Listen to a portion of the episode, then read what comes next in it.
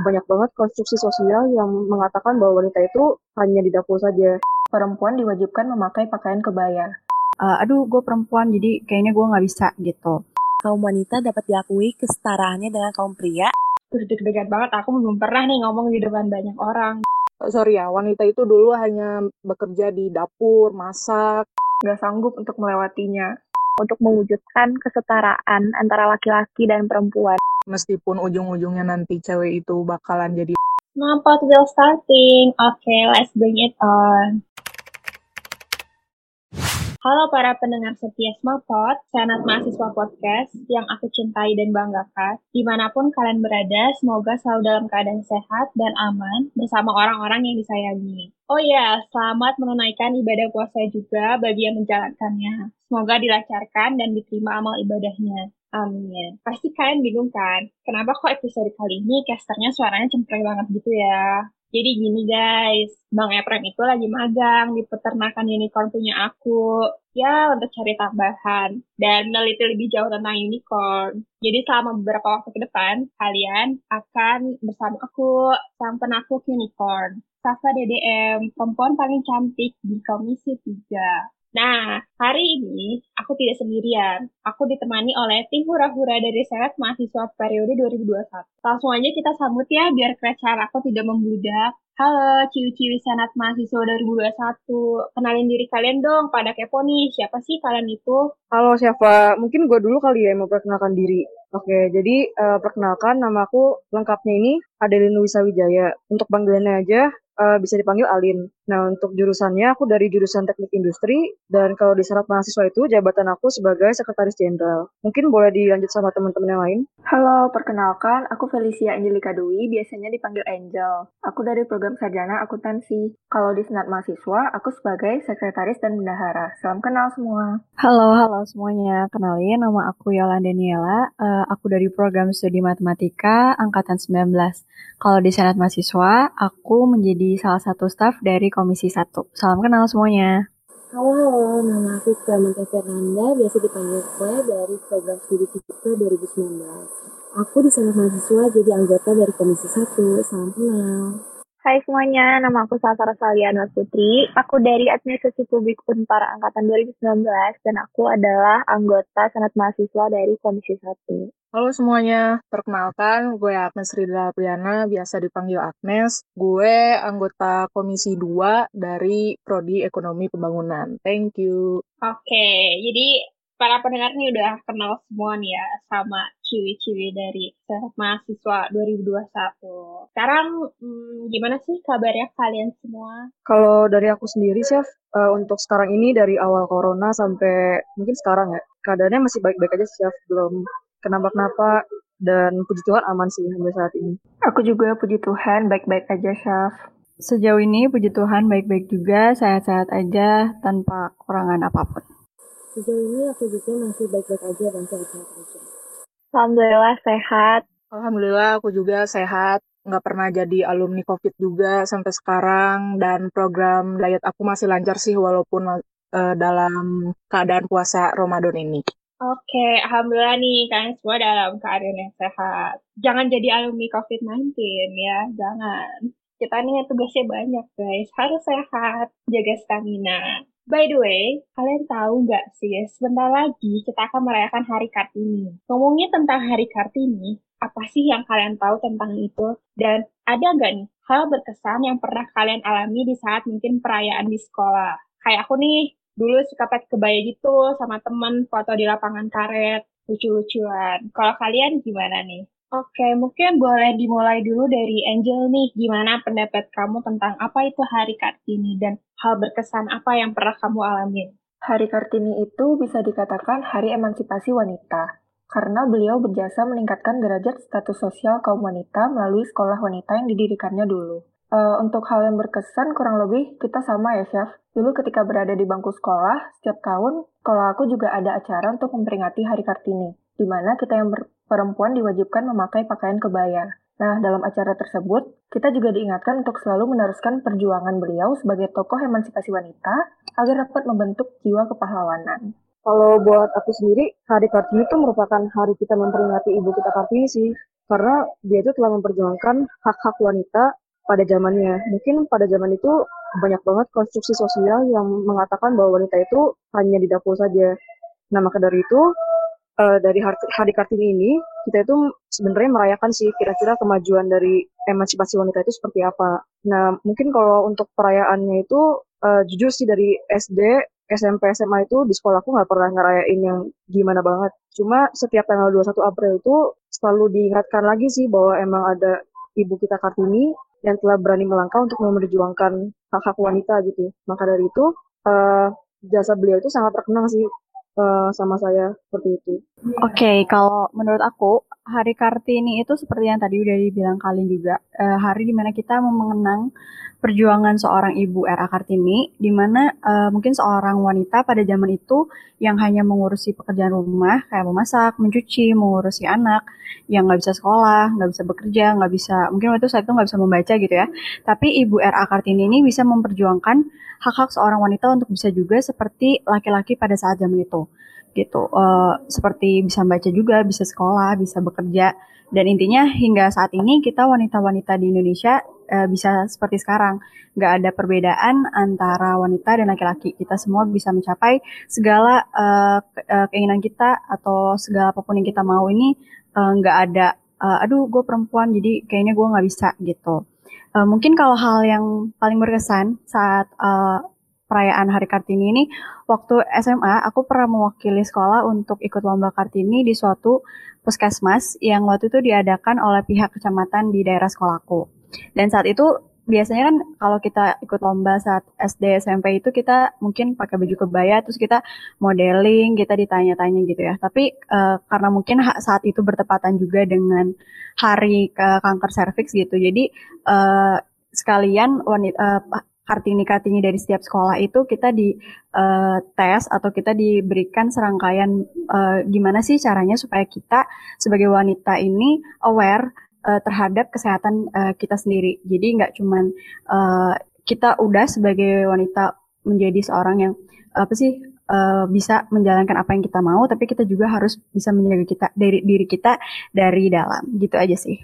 Kalau buat aku, Hari Kartini itu hari memperingati perjuangan Ibu Kartini. Selain itu, menurut aku adalah hari di mana ketika kaum wanita dapat diakui kesetaraannya dengan kaum pria, dan ketika kaum wanita menunjukkan kemampuannya di hadapan semua orang. Buat aku, kegiatan yang paling berkesan ketika Hari Kartini adalah kegiatan lomba menggunakan kebaya. Karena buat aku, kegiatan lomba pakai kebaya sama samping tuh rasanya susah banget. Tapi syukurnya aku bisa menghadapi setiap rintangan dalam perlombaan itu. Dan buat aku kegiatan lomba itu bermakna karena setiap kegiatan itu melambangkan perjuangan wanita yang walaupun ada banyak tantangan dan kesulitan yang ada, tapi para kaum perempuan itu bisa tetap semangat untuk melewati rintangan itu. Kalau buat aku sih hari Kartini itu sama aja kayak yang lain ya. Cuman uh, menurut aku pribadi itu hari Kartini itu memperingati dan menghormati perjuangan Ibu R.A. Kartini ya. Jadi beliau itu sudah berjuang untuk mewujudkan kesetaraan antara laki-laki dan perempuan dan khususnya itu tuh di bidang pendidikan kan di Indonesia zaman itu dan sampai saat ini.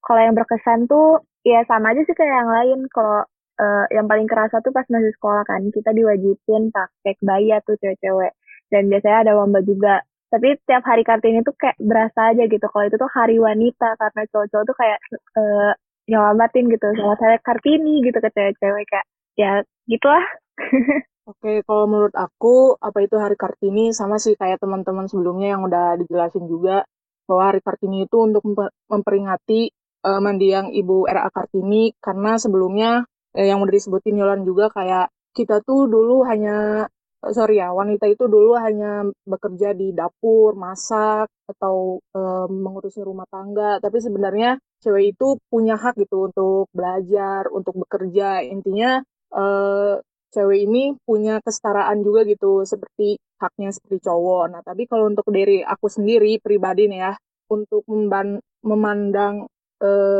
peringati Hari Kita Kartini itu setiap hari sih apalagi kita punya seorang ibu aku juga punya seorang ibu aku memandang kayak ibu ibu aku tuh kayak RA Kartini gitu. Kenapa? Karena sebenarnya cewek itu super power gitu. Di antara kita harus uh, memperkerjakan hal-hal rumah tapi kita juga harus bisa gitu kayak independen mandiri punya penghasilan sendiri terus juga uh, bisa jadi wanita berkarir biar kita tidak terga tidak bergantung juga gitu sama orang lain gitu. Habis itu hal-hal yang berkesan sama kayak yang lain dari SD, SMP, SMA, aku tuh emang di sekolah selalu dianjurkan pakai baju uh, kebaya, terus juga upacara, hal-hal yang kayak gitu, lomba-lomba. Tapi hal-hal yang menarik nih guys ya. Gue cerita doang nih khususnya di podcast ini doang karena ini tuh super eksklusif gitu ya. Karena waktu SD itu kan gue tuh gendut banget ya. Sebenarnya ini pengalaman nggak kayak apa ya, nggak berkesan bikin prestasi enggak sih. Cuman gue ini emang berkesan. Jadi waktu SD gue kan gendut, ya kan. Kalau beli kalau boleh sebut angka eh, gendutnya 83 kilo. Waduh, pokoknya itu SD tuh jumbo lah. Pokoknya gue ah pokoknya gitulah guys. Terus gue harus pakai baju kebaya. Habis itu gue ke sekolah deh. Pas di pintu bukannya gue salamin guru tapi malah gue yang disalamin gitu guys hal-hal berkesan gue semoga berkesan oke menarik sekali ya. Ternyata Agnes berani menyebutkan angka di podcast ini. Aku jadi aduh Agnes ternyata sudah berubah jauh ya dari SD sampai sekarang. Menarik menarik. Dan aku tertarik juga nih sama tadi jawabannya Yolan tentang ternyata perempuan itu harus uh, memperhatikan dan lebih apa ya lebih aware dengan kesehatan diri ya terutama tentang kanker cervix. Menarik menarik. Sama sih aku juga. Kalau aku mendengar Hari Kartini atau pahlawan nasional kita Ibu Raden Ajeng Kartini yang terlintas di benak dan pikiran aku tuh tentang perjuangan perempuan pendidikan dan bagaimana sih kesetaraan gender tuh ternyata harus dicapai ya. Dan bagaimana ternyata perempuan itu bisa hidup dengan istilahnya apa ya merdeka ya di tengah masyarakat karena sesama manusia tentunya memiliki kesempatan untuk maju dan berkembang. Kalian ini pastinya untuk menduduki kursi di Senat Mahasiswa menjadi representatif dari setiap program studinya dan terutama ya kampus kita tercinta Unpad. Aku yakin ada perjuangan tersendiri nih. Bisa nggak sih kalian ceritain dong, gimana sih kalian bisa duduk di kursi Senat Mahasiswa ini? pernah nggak kepikiran kayak, duh perempuan emangnya bisa ya? Duh takut gagal nih kalau aku ikutan. Atau mungkin bahkan ada yang mengkritik, ah perempuan mah kalau jadi perempuan mah kemudian, eh ah perempuan mah kalau jadi pemimpin kemudian gitu misalnya. Mungkin boleh dimulai dari Angel dulu. Gimana nih menurut kamu? Kalau bagi aku, berjuang untuk berada di kursi senat mahasiswa itu memang suatu tantangan yang besar. Karena banyak hal yang harus aku lalui harus berjuang, harus banyak belajar, harus banyak bertanya kepada senior. Apalagi dulu aku belum begitu mengenal senat mahasiswa itu seperti apa sih. Terus banyak juga tahapan yang harus dilalui. Ditambah lagi banyak tugas kuliah yang harus dikerjakan kan. Kalau boleh jujur mungkin dulu banyak tumpahan air mata, Syaf, karena merasa nggak sanggup untuk melewatinya. Terus sering berpikir juga, layak nggak sih aku buat maju mewakili prodi aku Apalagi aku satu-satunya cewek yang maju untuk mewakili prodi aku sebagai senat mahasiswa. Jadi merasa terbebani dan berat untuk dijalani. Tapi di sisi lain, aku punya keinginan yang besar untuk dapat menempati posisi itu. Jadi mau nggak mau, sanggup nggak sanggup, aku harus komit untuk mewujudkan keinginan itu. Gitu, Saf. Oke, jadi Angel nih sampai mau nangis-nangis ya. Betul. ya Allah, sedih banget. Tragis banget gitu kesannya. Tapi sekarang udah mulai beradaptasi lah ya dengan kejamnya senat mahasiswa. Oh, sih ya kejam. Gak sih, aman-aman. Kalau Yolan, gimana nih? Apakah sama akan menangis juga seperti Angel? Oke, okay, uh, eh, jadi uh, kalau untuk aku, untuk sampai aku bisa ada di sini nih ya di podcast bareng teman-teman senat di sini dan posisi aku di sini juga sebagai sesama senat, uh, sebagai perwakilan dari program studi aku matematika itu menjadi suatu hal yang baru banget dan tantangan yang cukup uh, baru dan gak biasa untuk uh, seorang Yolan gitu. Uh, karena waktu itu untuk jadi senat itu kan karena kita lebih uh, mencalonkan diri sendiri gitu kan. Jadi ada satu sisi yang mikir uh, kayaknya gue layak nggak ya atau bisa nggak ya jadi senat. Uh, terus gue jadi perwakilan dari program studi gue sendiri tuh uh, bisa nggak ya gitu? Apakah gue mewakili uh, dari program studi gue itu? Tapi ada satu sisi juga yang beberapa orang yang mendukung untuk uh, ayo coba dulu gitu. Dan ada memang rasa dari diri sendiri juga untuk uh, ingin mencoba uh, hal tersebut gitu. Jadi beberapa perjuangannya sih mungkin dari kayak belajar debat kayak uh, sama sekali nggak pernah debat gitu sebelumnya. Terus harus belajar debat. Dengan saat itu aku ada lawannya dua orang. Jadi cukup uh, tegang juga. Terus mempelajari hal-hal yang awalnya sangat tidak familiar dengan aku kayak peraturan uh, dinamika di persatuan mahasiswa di Unpar tuh kayak gimana sih? Uh, terus memahami juga situasi dan kondisi dan kebutuhan di program studi aku tuh uh, seperti apa gitu. Jadi uh, untuk menjadi uh, senat ini menjadi suatu langkah yang uh, baru banget dan tapi ya aku udah uh, melangkah gitu. Dan saat mau menjadi senat ini banyak juga hal-hal yang harus dikorbankan gitu uh, secara positif. Dan uh, itu menjadi hal positif juga buat aku sekarang. Dan mungkin uh, selama pencalonan itu belajar juga untuk rendah hati untuk selalu belajar sih selama uh, masa pencalonan itu. Gitu sih dari aku Saf. Bener banget sih. Aku nggak ada lawan tapi aku tegang kayak lawan aku tuh kalau kamu nih ya lawannya itu kan dua orang yang tadi. Kalau aku lawannya uh, program studi aku sendiri. Ada ketua angkatan, ada uh, ketua himpunan. Mereka tuh kayak bertanya-tanya terus aku ngerasa kayak tuh deg-degan banget. Aku belum pernah nih ngomong di depan banyak orang. Tapi emang benar sih, emang harus banyak belajar dan rendah hati juga. Kalau Clementine nih gimana? Apakah kamu mengalami hal yang sama seperti Yolan dan Angel? Kalau aku sih untuk sampai ada di kursi senat mahasiswa ini perjuangannya cukup lumayan berat. Walaupun teman-teman aku semuanya selalu support, tapi mungkin tantangannya itu ada di pemikiran aku sendiri. Karena aku dulu sempat mikir bisa nggak ya aku yang notabene seorang perempuan maju mewakili prodi aku dan bertanggung jawab untuk masuk ke dalam lembaga dengan skala universitas. Lalu tantangan lain yang harus dihadapi itu mikir bisa nggak ya, aku berani maju nggak ya, berani mulai hal, hal baru yang belum aku kenal. Karena dulu aku masih belum tahu dalam apa sih tugas senat mahasiswa itu. Dan tantangan terbesarnya bisa nggak ya aku meyakinkan diri aku sendiri bahwa aku pantas untuk posisi itu. Selain itu aku juga menghadapi tantangan yang cukup berat karena harus belajar banyak hal baru untuk masuk ke senat mahasiswa ketika kuliah lagi padat-padatnya dan tugasnya lagi tumpuk. Tapi akhirnya semua sih bisa dilewati sampai akhirnya aku bisa ada di podcast ini. Bener banget sih, bener banget. Tugas kuliah numpuk ya, jadi kayak shock gitu loh. Aduh, biasanya ini aku kosong, aku ngerjain tugas, tapi kayak, ah ya udah deh, aku harus bisa nih, aku harus bisa bagi waktu. Oke, kita uh, manage time lagi dengan baik. Bener banget sih berkaitan dengan perjuangan kalian sampai duduk di kursi syarat mahasiswa, sampai tadi Angel tuh nangis. Menurut kalian, seberapa penting pendidikan terutama bagi seorang perempuan untuk maju dan berkembang? Karena kan kalian nih duduk di kursi syarat mahasiswa melalui beragam proses pembelajaran ya untuk berkecimpung di apa ya istilahnya dunia perpolitikan ini sampai berhasil kampanye, menang debat, eh, menang suara di pemilu. Boleh dong ceritain ke aku gimana pentingnya pendidikan bagi seorang perempuan? Boleh dimulai dari Oke, okay, kalau menurut aku ya, eh, pendidikan itu sangat penting. Bukan buat cewek aja, buat cowok juga, bagi semua manusia.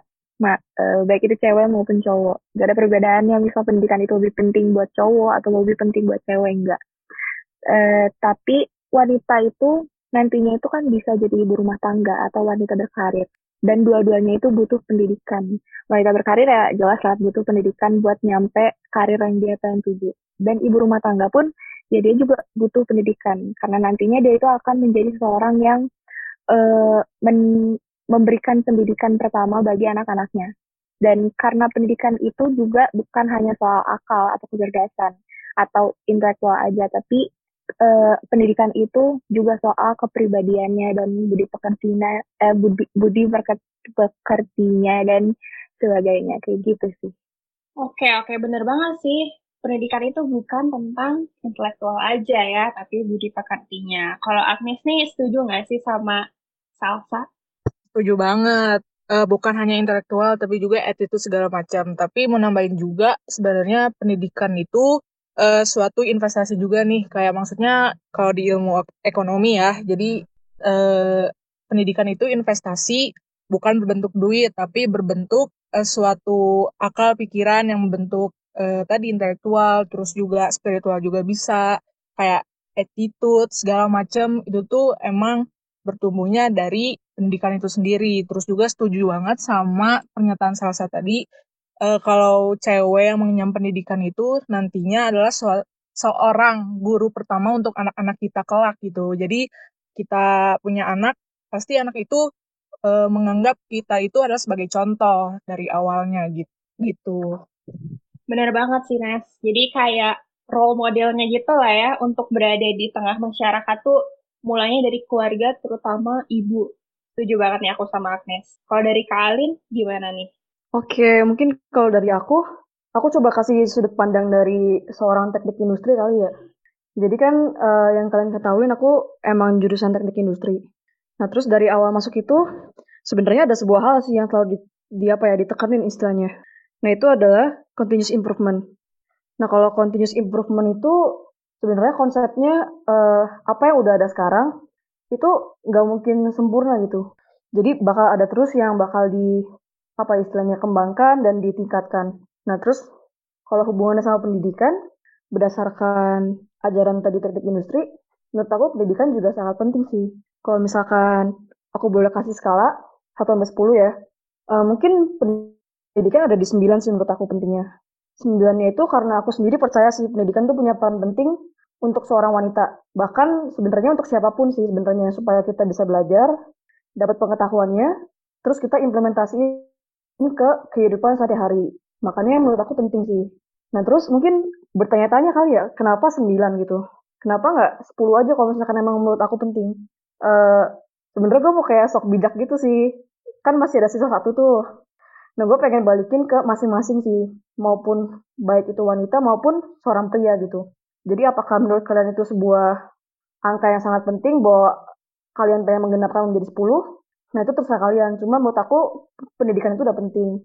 Nah satunya itu uh, aku serahin ke kalian sih buat nyesuaiin kira-kira apakah itu akan menjadi sebuah kepentingan yang sangat penting atau tidak. Mungkin gitu doang sih.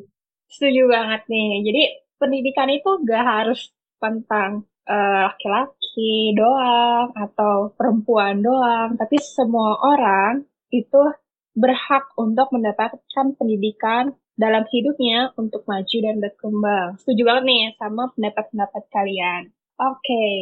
setelah duduk di kursi syarat mahasiswa, ada nggak sih tantangan saat menjalankan tugas organisasi sekaligus kuliah yang tugasnya bertubi-tubi kayak aduh bisa nggak ya aku ngerjain dua tugas ini yang berbeda dengan maksimal dengan uh, menghasilkan output yang berdampak mungkin boleh dari Clementine dulu nih karena dari fisika tuh bawaannya hawa-hawanya sibuk banget gitu loh kayak Oke, kalau dari aku sih, menurut aku ya, di saat banyak orang yang beranggapan, buat apa sih perempuan harus sekolah tinggi-tinggi, dan buat apa juga perempuan harus punya banyak pengalaman dalam melakukan kegiatan seperti misalnya berorganisasi. Karena pada akhirnya kerjaan kita sebagai perempuan itu mengurus rumah. Justru aku tertantang nih pengen buktiin kalau sudut pandang itu nggak benar. Karena walaupun misalnya ujung-ujungnya aku harus ngurus rumah, tapi aku mau ngurus rumah itu bisa sambil kerja, bisa menghasilkan sebuah karya dan bisa menghasilkan uang sendiri. Dengan aku memiliki niat yang kuat untuk maju nih, maka ketika aku lagi dihadapkan dengan tugas kuliah numpuk atau tugas-tugas dalam kegiatan organisasi seperti di Senat ini lagi banyak, aku jadiin itu sebagai cambuk untuk aku lebih semangat lagi. Walau ada rasa capek pastinya, dan aku alamin tuh tantangannya paling berat yang dirasain itu pembagian waktu untuk ngurusin kuliah, berorganisasi, dan ngelakuin hal lainnya. Itu padat banget, tapi di situlah menurut aku kemampuan seorang perempuan itu diuji. Dengan waktu terbatas bisa nggak kita menyelesaikan semua tugas, kewajiban, dan tanggung jawab kita. Bener banget sih, ini kita benar-benar diuji kayak duh gimana sih ini biar semuanya tuh bisa dikerjain dengan baik dan tugas yang bervarian ini bisa menghasilkan output yang sesuai gitu ya. Dan ini aku tertarik tadi saya sempat nyinggung kata rumah ya. Emang kayaknya kalau perempuan itu identik dengan kata rumah ya. Kalau Angel nih gimana nih? Apakah memang uh, perempuan ini identik dengan kata rumah dan uh, gak dianggap mungkin nggak bisa multitasking gitu istilahnya. Mungkin bener sih, Syaf. Perempuan itu identik dengan kata rumah. Terus tadi aku juga setuju tuh sama jawabannya Kle. Banyak orang beranggapan bahwa dunia pendidikan itu uh, milik kaum laki-laki. Seolah-olah perempuan tuh nggak punya kontribusi apa-apa di dunia pendidikan. Kadang kita sebagai perempuan udah berusaha mengenyam pendidikan tinggi-tinggi. Tapi orang malah berasumsi, ah ujung-ujungnya juga nanti jadi ibu rumah tangga. Bagi aku, no problem sih. Jadi ibu rumah tangga juga harus punya pendidikan untuk nantinya bisa mendidik anak-anaknya. Jadi jangan terlalu tertekan dengan omongan orang untuk mengenyam pendidikan bagi perempuan. Ingat, pendidikan itu penting dan pasti berguna dalam kehidupan kita. Benar banget sih. Dua hal. Oke, aku menemukan dua kata yang identik. Rumah dan ibu rumah tangga. Ya, sama-sama ada rumah ya.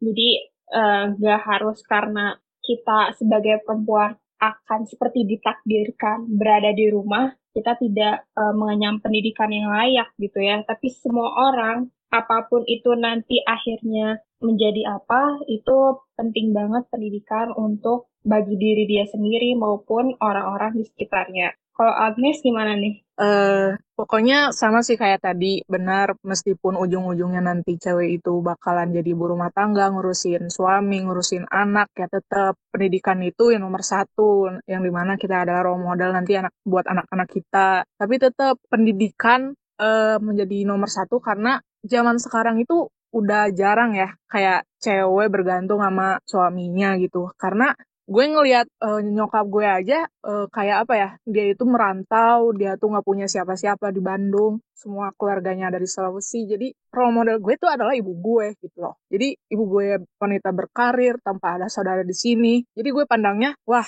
makhluk ini adalah makhluk superior gitu. Dia bisa nyari nafkah dia uh, bisa uh, mencari duit tapi uh, punya pendidikan yang tinggi juga. Jadi balik lagi gitu. Sebenarnya uh, balik lagi ke dapur ngurusin suami ngurusin anak itu adalah kewajiban. Tapi alangkah baiknya dan menjadi poin plus kalau misalnya kita berpendidikan tinggi dan tetap tetap mandiri dan juga merdeka gitu untuk kita sendiri tanpa bergantung dengan orang lain gitu. Oke, Agnes ini menjawabnya sangat membara sekali ya.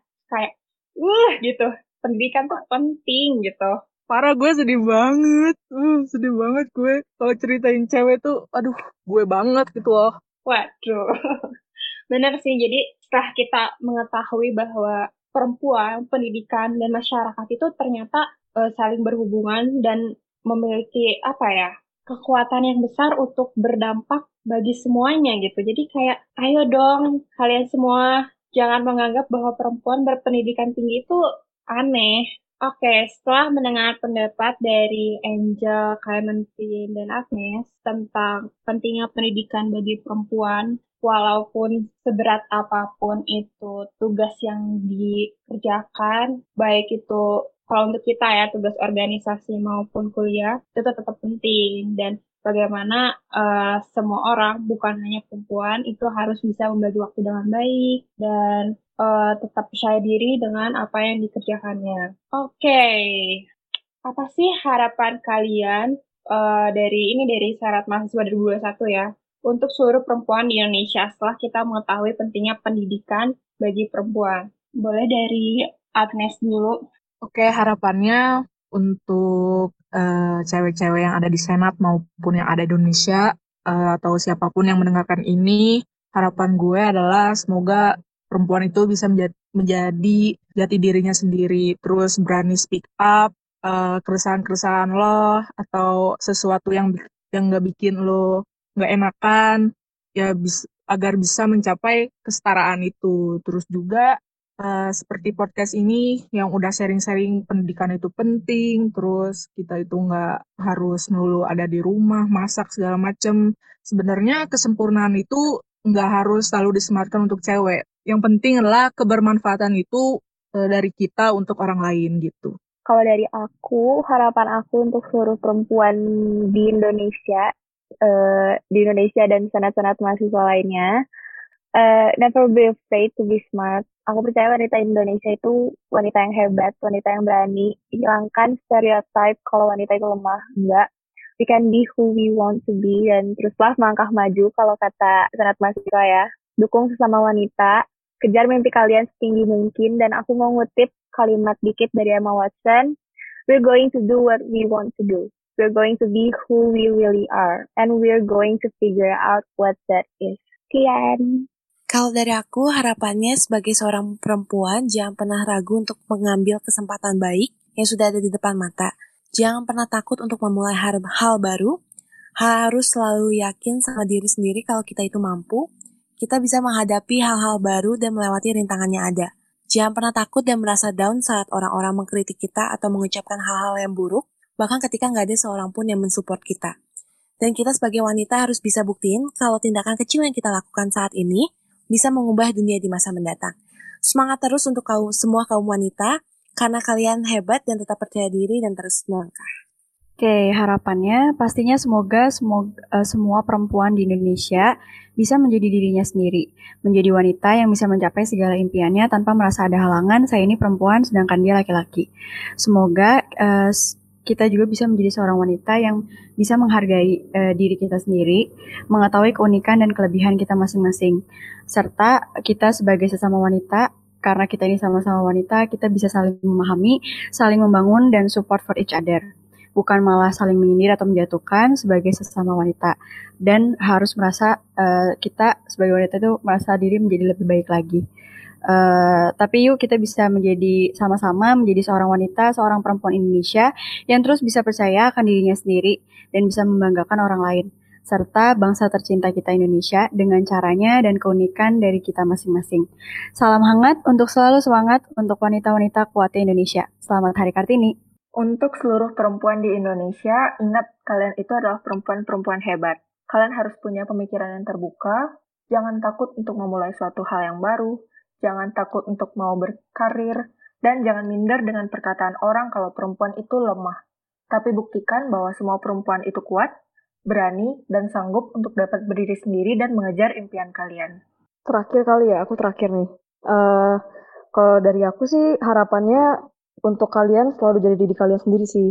Jadi jangan takut buat jadi diri kalian sendiri sama bagi kalian yang memiliki kebebasan untuk bermimpi, saran gue itu hidupilah mimpi kalian sih selagi bisa. Dan gue percaya dengan kalian menjadi diri kalian sendiri, akan ada batasan-batasan yang akan kalian robohkan.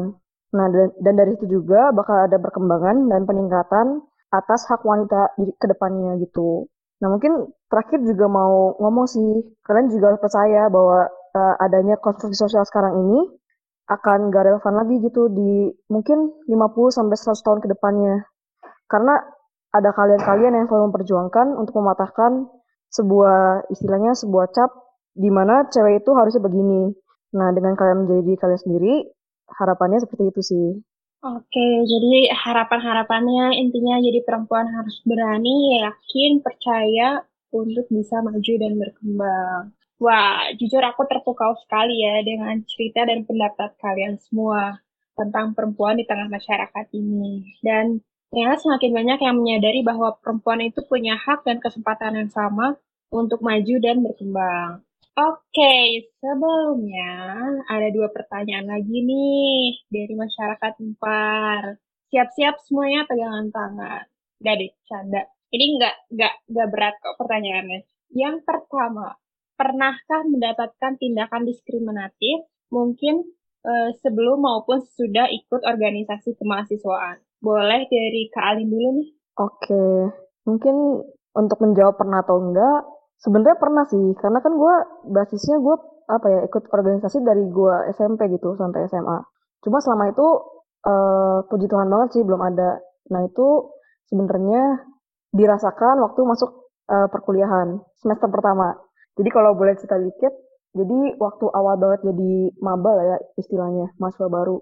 Nah gue itu tuh berkesempatan buat jadi uh, ketua acara anak 18. Nah, biasanya itu acara tahunan. Nah, dia itu tuh bakal ada acara gathering gitu buat memperkenalkan satu angkatan gitu supaya makin kenal gitu kan. Lagi pula kan kita masih istilahnya dari daerah yang berbeda-beda. Nah, gue itu tuh punya kesempatan banget buat mm, jadi ketuanya lah istilahnya. Nah, di situ sebenarnya pressure tinggi sih ya. Ada banyak mahasiswa lain, kenapa harus gue gitu.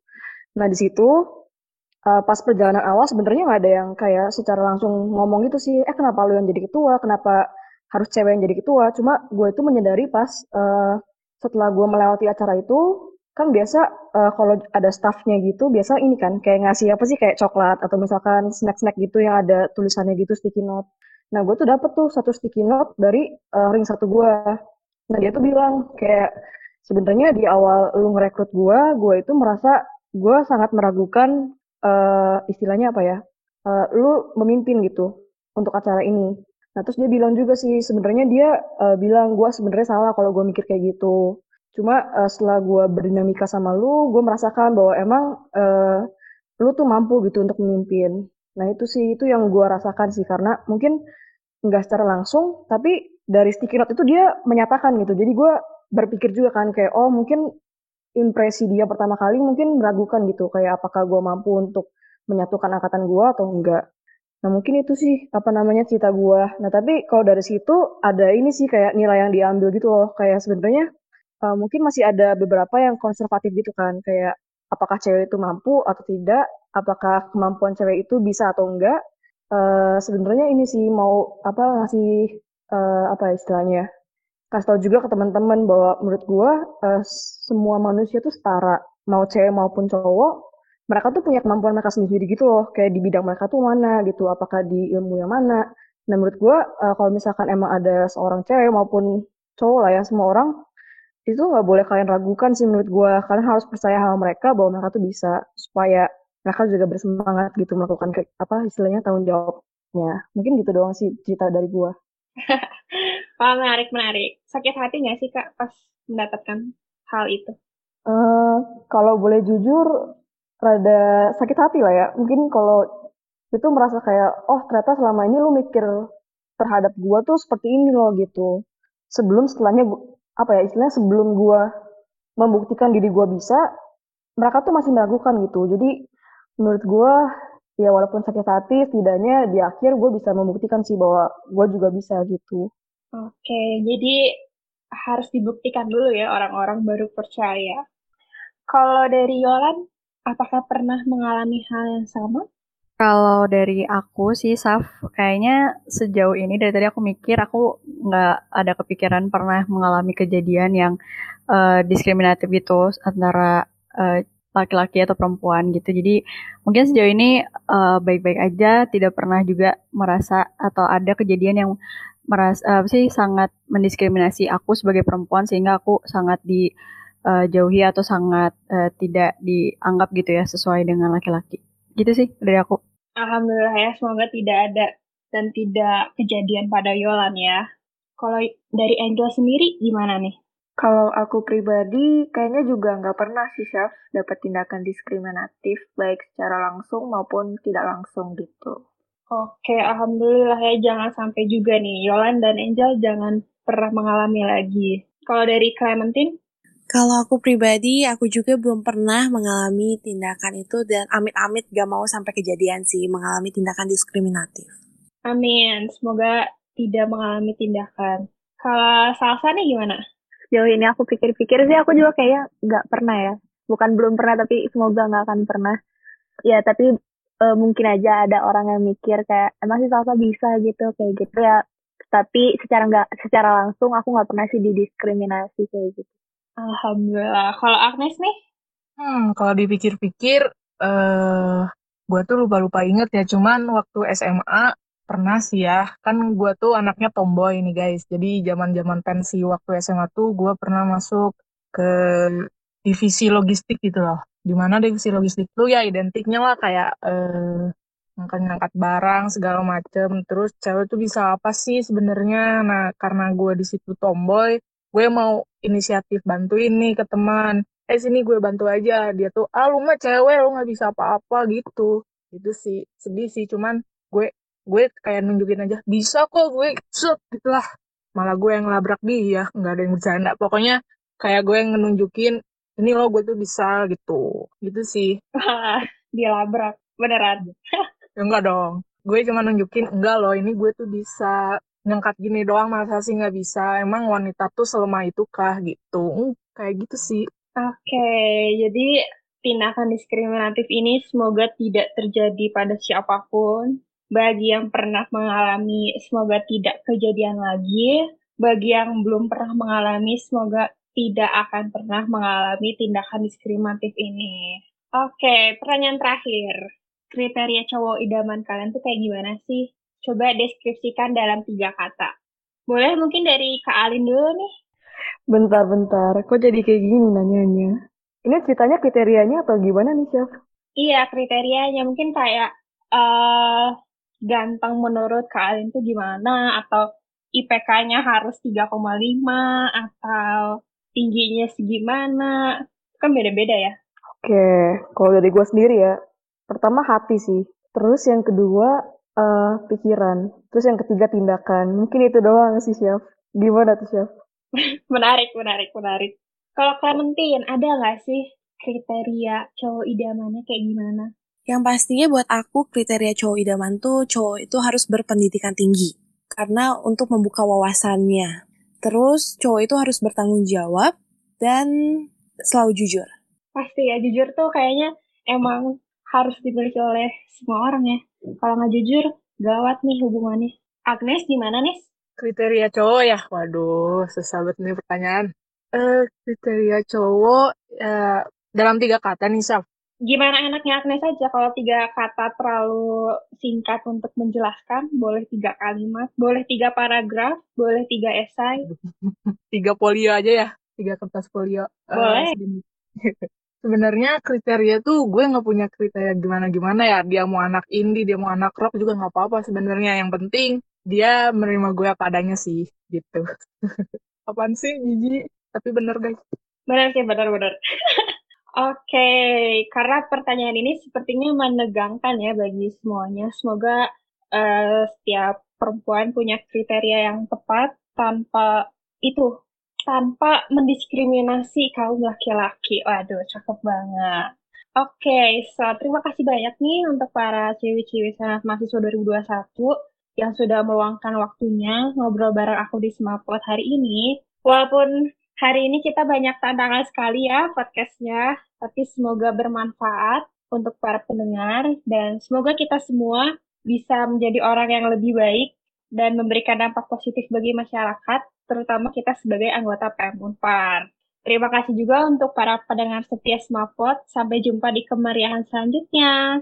Alright, the podcast is ending. Let's take it off.